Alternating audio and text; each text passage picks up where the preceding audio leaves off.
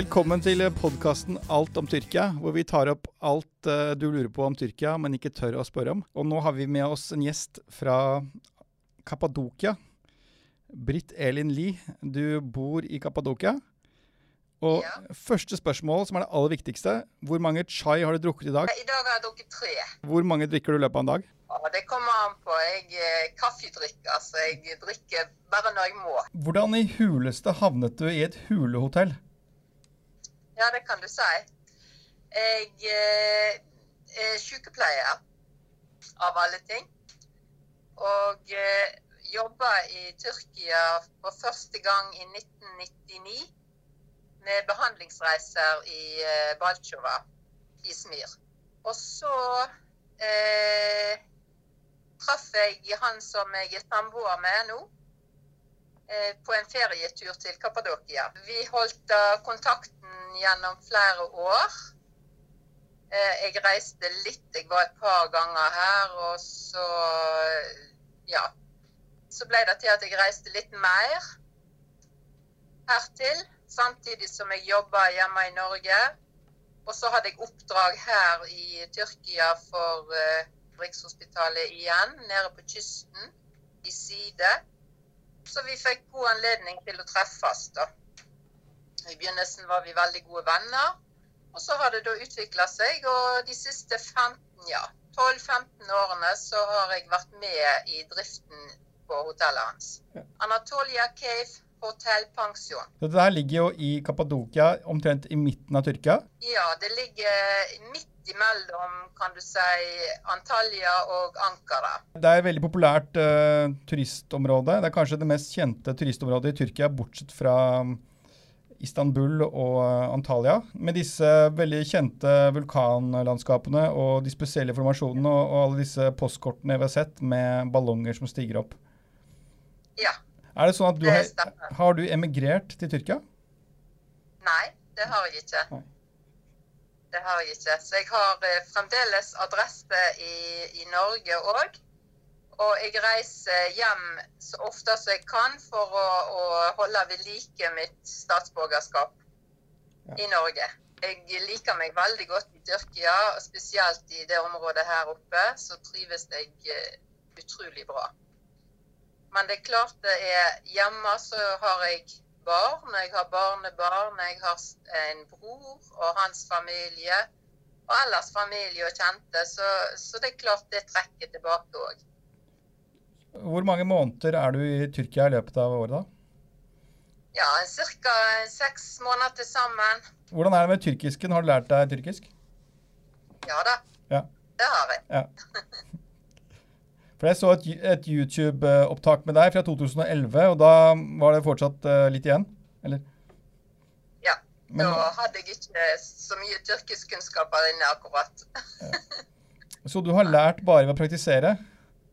Ja. Ja. Har du gått på kurs i tillegg, eller? Nei, jeg har hatt ett kurs en gang for lenge, lenge siden i Bergen, da. Det var på ja, Jeg tror det var en måned jeg gikk på et kurs der, men det var, det var så lite at jeg eh, lærte ikke noe særlig. Hvordan ser dagen ut for deg fra du står opp om morgenen? Jeg står opp om morgenen, og så eh, går jeg på hotellet og hjelper til med frokosten. Og så når frokosten er ferdig, så er det innsjekk og utsjekk av eh, gjester. Og så kommer det an på Hvis det er mye å gjøre, så hjelper jeg til med, med rengjøring og, og eh, eh, vaskeri og sånne ting. Hvor mange timer jobber du da? Jobber du da åtte-ti timer da, eller? eller på en dag? Ja, du kan si vi er på jobb eh, 724. Ja. Sånn er det å ha hotell. Har du fått en rare, rare kunder? Å ja. Jeg har ofte rare kunder. Hva, kan du fortelle noen, eh, om noen spesielt morsomme? For et par dager siden så kom det eh, Området her oppe er jo veldig stort, da. Og de fleste de, de tror jo det at når de er kommet hertil, så har de sett Kappadokia. Eh, så da kom der et par fra Argentina. Og full fart inn dørene, og så, og så sa de at Å, nå kom vi med buss fra flyplassen, og nå har vi sett Kappadokia. Vi har sett det store. Så sier jeg, hva har dere sett av Kappadokia, da? Jo, vi har sett for veien her vi, vi kjørte inn mot Gørme. Og da så vi alle disse her eh, fjellformasjonene. Så vi har sett Kappadokia, altså. De var veldig lykkelige. Men eh, når jeg fikk gitt dem litt informasjon og sånt om hva som egentlig er å se her, så innså de jo ganske fort at de hadde jo sett ingenting av Kappadokia ennå. I Kappadokia så er det jo lange tradisjoner for å bo inne i fjellet. De gravde seg tunneler og hus og rom inne i fjellet som de har gjort ja. i mange hundre år, kanskje årtusener tilbake. Ja da, funnet bosetninger så langt som 8000 år tilbake. Ja, og så har det etter hvert, eh, etter hvert som folk har flyttet ut og fått andre type boliger, så har det blitt en uh, hotellindustri rundt dette her, hvor, hvor, det er et slags konsept og man kan bo, i uh, cave hotell. Ja. Og det er noe som Det er kanskje ikke noe for, de, for alle, men det er, noe, det er, jo noe som mange syns er spennende. Men, men, eh, folk takler det kanskje forskjellig når de kommer dit. og Er det litt sånn at det er noen som opplever at det er annerledes enn det de trodde når de kommer dit? At de ikke vil bo der likevel? Klart det. Det er det. Eh, det er folk som, eh, som, føler liksom når de kommer inn i et cave room, at de får litt sånn klaustrofobiske følelser. da. For disse rommene de har jo ikke så veldig store vinduer. Vi har ikke lov å, å, å utvide det som er av vinduer, kan du si det er veldig lite du egentlig har lov å, å gjøre med disse gamle bygningene. Men så har vi de igjen da som, som sier det at jeg har aldri sovet så godt som når jeg har sovet i et hulerom. Og Det er jo fordi at luften inne i det hulerommet den blir skifta ut altså naturlig. For steinen puster. Og så det at eh, du trenger ikke noe ekstra ventilasjon, kan du si. Har du bodd i cave selv? Hule? Ja da, har du det? det har jeg. Ja. I, i, mange, I, mange, år så bodde vi på et av rommene på hotellet før vi skaffa oss leilighet. da. Ja. Eh, fordi at det var både praktisk og, og, og greit å bo der. Så det at, eh, og det, jeg trivdes veldig godt med det. Hvordan var det, bortsett fra at det var god luft der? Var det noe sånn at eh, de ga deg veldig spennende drømmer eller gjorde noe med deg som person? Ble du en huleboer? Ja, måte så, så blir du en huleboer når du, når du, bor i dette området her oppe.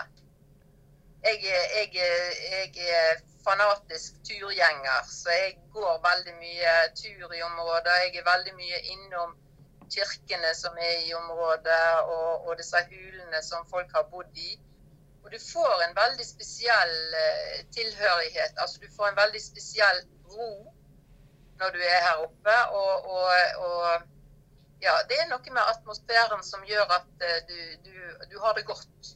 Jeg har selv en vakker eh, historie fra Kappadokia. Ja. Det går tilbake til 2011. Da var jeg i Istanbul og feiret nyttårsaften eh, hos noen venner. Og da møtte, ja. jeg, da møtte jeg, en vakker kvinne som heter Aida. Og så holdt vi litt kontakten. Og så i påsketider 2012 så um, inviterte hun meg til Kappadokia. Da bodde vi eh, i en liten landsby som heter Urgup, som er like i nærheten av uh, Gureme, hvor du holder til. En, en, veldig romantisk uh, liten landsby. Og så gikk vi da rundt, vi gikk rundt på tur i byen der, landsbyen, og så kom vi opp på, et, på en høyde i landsbyen hvor det var et utkikkspunkt. Og der var det et skilt hvor det sto 'Ønske deg et eller annet', sto det på skiltet. Ønskepunkt. Har, har du vært der? Ja da, til minuttepussy. Ja, der kan du stå og ønske deg noe og se utover. Og Så var jeg da oppe sammen med Aida, og så ønsket jeg meg, stille, hemmelig, at uh, det skulle bli et opplegg mellom oss. Vi ble gift uh, i Istanbul i 2013. Så bra. ja, det var et veldig romantisk, veldig romantisk ja, sted. Uh, omtrent det samme sjøl òg. Vi bodde på et lærerhotell. Ja. I Tyrkia så har de sånn at mange yrkesgrupper har sine egne privilegier. og det kan være et hotell eller et sånt uh, slags kaféopplegg eller noe, som er, noe lignende. Og lærerne har egne hotell, politiet har egne hotell, militæret har egne hotell. Det var veldig pent og, pent og ryddig hotell. Ikke noe luksus. Lærerhotellet i, uh, i Urgup, det kan virkelig anbefale. Det var ikke, ja, noe, ikke noe luksus, men det var veldig uh, rent og ordentlig.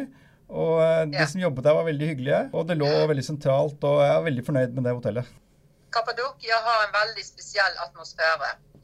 Og det skyldes nok helt sikkert at det har veldig lang tradisjon, historie og kultur som er, er spesiell.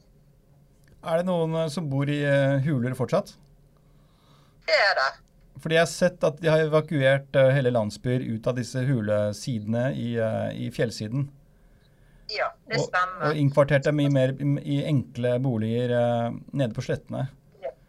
Er, Ja. er det noen Sånn som bor i de, bor i de opprinnelige, opprinnelige hulene? Der er, ja, det er enda folk som bor i de opprinnelige hulene.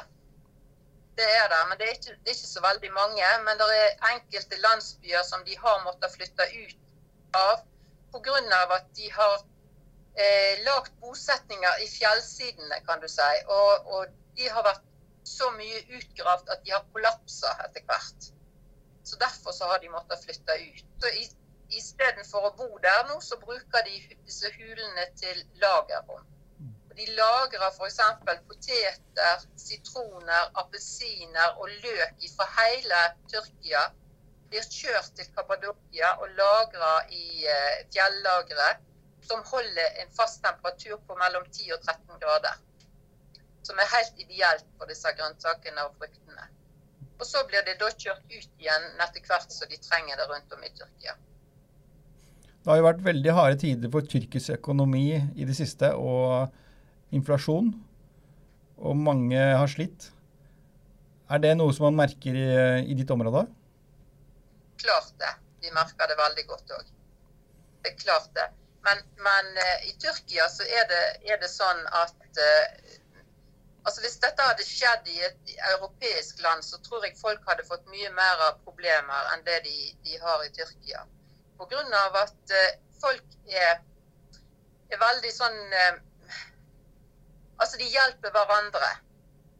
Det, det er en ånd i, i, i folket som, som sier at du skal hjelpe dine nærmeste og, og dine venner. Eh, Så hvis noen har hatt store problemer, så har de fått hjelp av andre som kanskje har hatt litt ekstra. Har inflasjonen ført til økt turisme i Kappadokia? Eh, inflasjonen har ført til eh, ja, delvis. Eh, men økt turisme har det jo blitt i dette året uansett. For det, det, har vært, eh, det har vært en veldig sånn positiv Tyrkia-trend i Europa det siste året. Tidligere, for to år siden, så, eller når, når eh, kuppet var, og etter kuppet, så har det jo vært veldig lavmål med, med turismen. Det har vært eh, mange som har mista veldig mye penger og, og har måttet eh, gitt ifra seg masse investeringer og sånn. Pga. at de har hatt for store hoteller. De har ikke hatt eh, inntekter nok til å drive det. Og dermed så har de gått konkurs videre. Er det slik at eh, de tyrkiske turistene har forsvunnet? Nei. Nei. Vi har masse tyrkiske turister, og det, det kommer flere og flere. De siste tre-fire årene så har det, har det vært majoritet av tyrkiske turister. Hvordan har miksen endret seg de siste årene av nasjonaliteter? Tidligere så var det mye japanere og koreanere som kom opp her. Det var mye franskmenn, tyskere, italienere. Men de siste årene så har det vært mer eh, tyrkere, som sagt. Og det har vært masse fra Sør-Amerika. Det har vært eh, mye fra Kina. Og eh, eh, det har vært mye fra Amerika. Og mye fra Midtøsten, fra Irak, Iran. Det er ikke så mye franskmenn lenger. Det er ikke så mye tyskere lenger. Men det, det er mer fra oversea, for å si det sånn. Hvor mange fra Norge mm, har dere hatt på deres sted i åra? Ja, i år har vi hatt en inflasjon fra Norge. og det er veldig, veldig koselig veldig, veldig kjekt. For det, det viste at nordmenn har fått øynene opp for at Tyrkia ikke bare er kysten, og ikke bare er, er, er hva, skal du si, flyktninger og, og den slags, men at det har en historie og en kultur som er verdt å ta en kikk på. Vi har vel hatt en borti en ja, 200 gjester fra Norge i, i, denne sesongen, og det er kjempebra. Hva er driftsinntekten på en god måned? Hvis du skal gi et estimat, hva er driftsinntekt på en god måned i hotellet? Hvor mye kan dere um, selge for på en måned? På ett rom, f.eks. med to personer på, så tar vi en pris på 150-200 lira på natten. Og så kan vi ha en inntekt på 600 lira på ekstra, altså ekstra eh, inntekt på f.eks. hvis de tar ballongferd, hvis de tar turer med oss, eller hvis vi har private turer for de som de betaler for og sånn. Så det at du kan si en tredjedel av prisen på rommet, det er eh, kommer som ekstra. Altså romprisen er en tredjedel av hva det egentlig kommer inn på et rom. Så du kan si 600 lira per rom per natt. Jeg så at det ligger på ca. 250 kroner på sånn booking-side. Ja.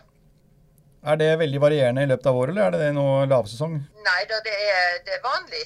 Ja. Og vanlig høysesong òg. Ja. Det er klart Hvis det er sånne eh, bayram og, og, ferietid og sånt, noe ekstra ferietid, så, så setter vi prisene litt høyere pga. at det er så stor etterspørsel at vi ønsker oss å sile litt på, på gjestene òg, da. Noe av det mest kjente i Kappadokia er disse ballongene som eh, svever over eh, området der. Men de ser ut som de bare går eh, opp og så ned igjen. Er det noen som kan sveve bortover også et stykke? Ja da. De svever jo rundt i området. Det kommer jo an på vindretningen. Ja. For da, hvert, hvert luftlag har sin vindretning. Så hvis piloten er god, så kan han eh, føre deg rundt i hele området, faktisk. Hva er det lengste man kan komme? Hva? Hvor langt kan man komme? Eh, ja, du kan komme så langt som en ja, 50-60 km vekk fra utgangspunktet. Og det er ganske langt. Er det noen vingårder der? Ja da, det er det. Det er masse vingårder. Druene de blir brukt til både til å lage vin av, og eh, mest til å lage eh, druesirup av. Også da til å spise. Og så blir det òg eh, produsert druesteiner av druene.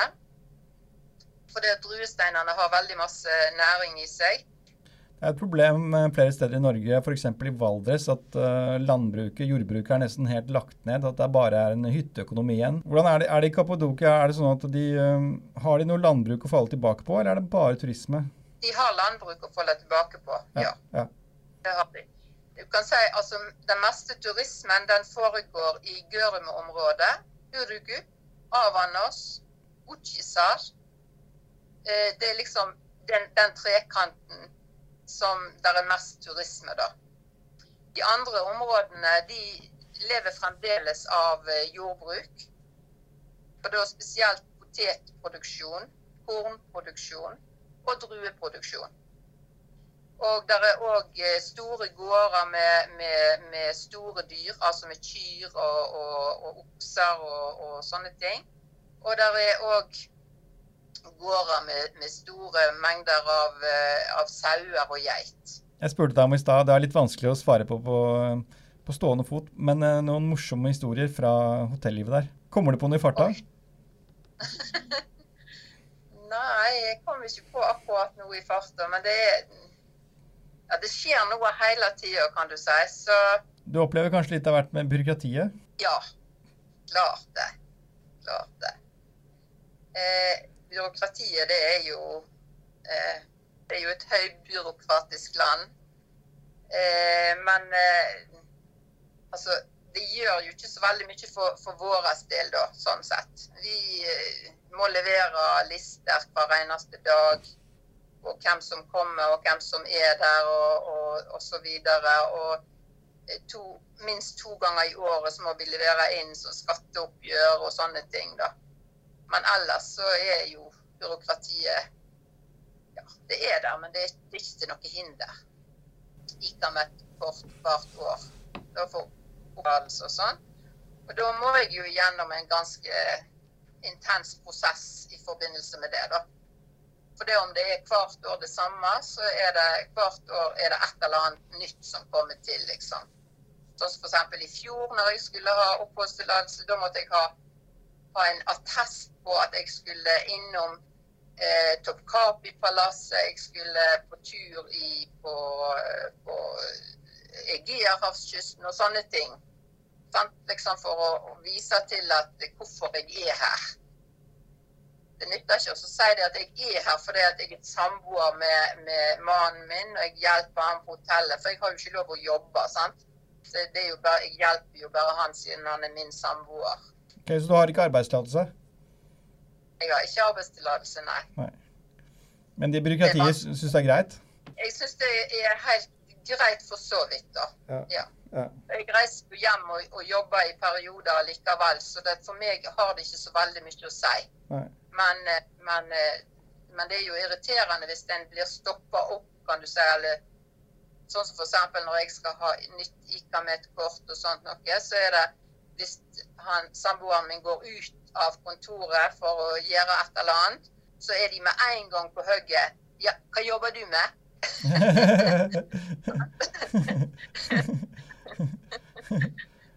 så de, de, er veldig sånn eh, ja, på hugget når det gjelder akkurat det med, med jobbing og sånne ting for, ja. for, folk som er her på turistvisum.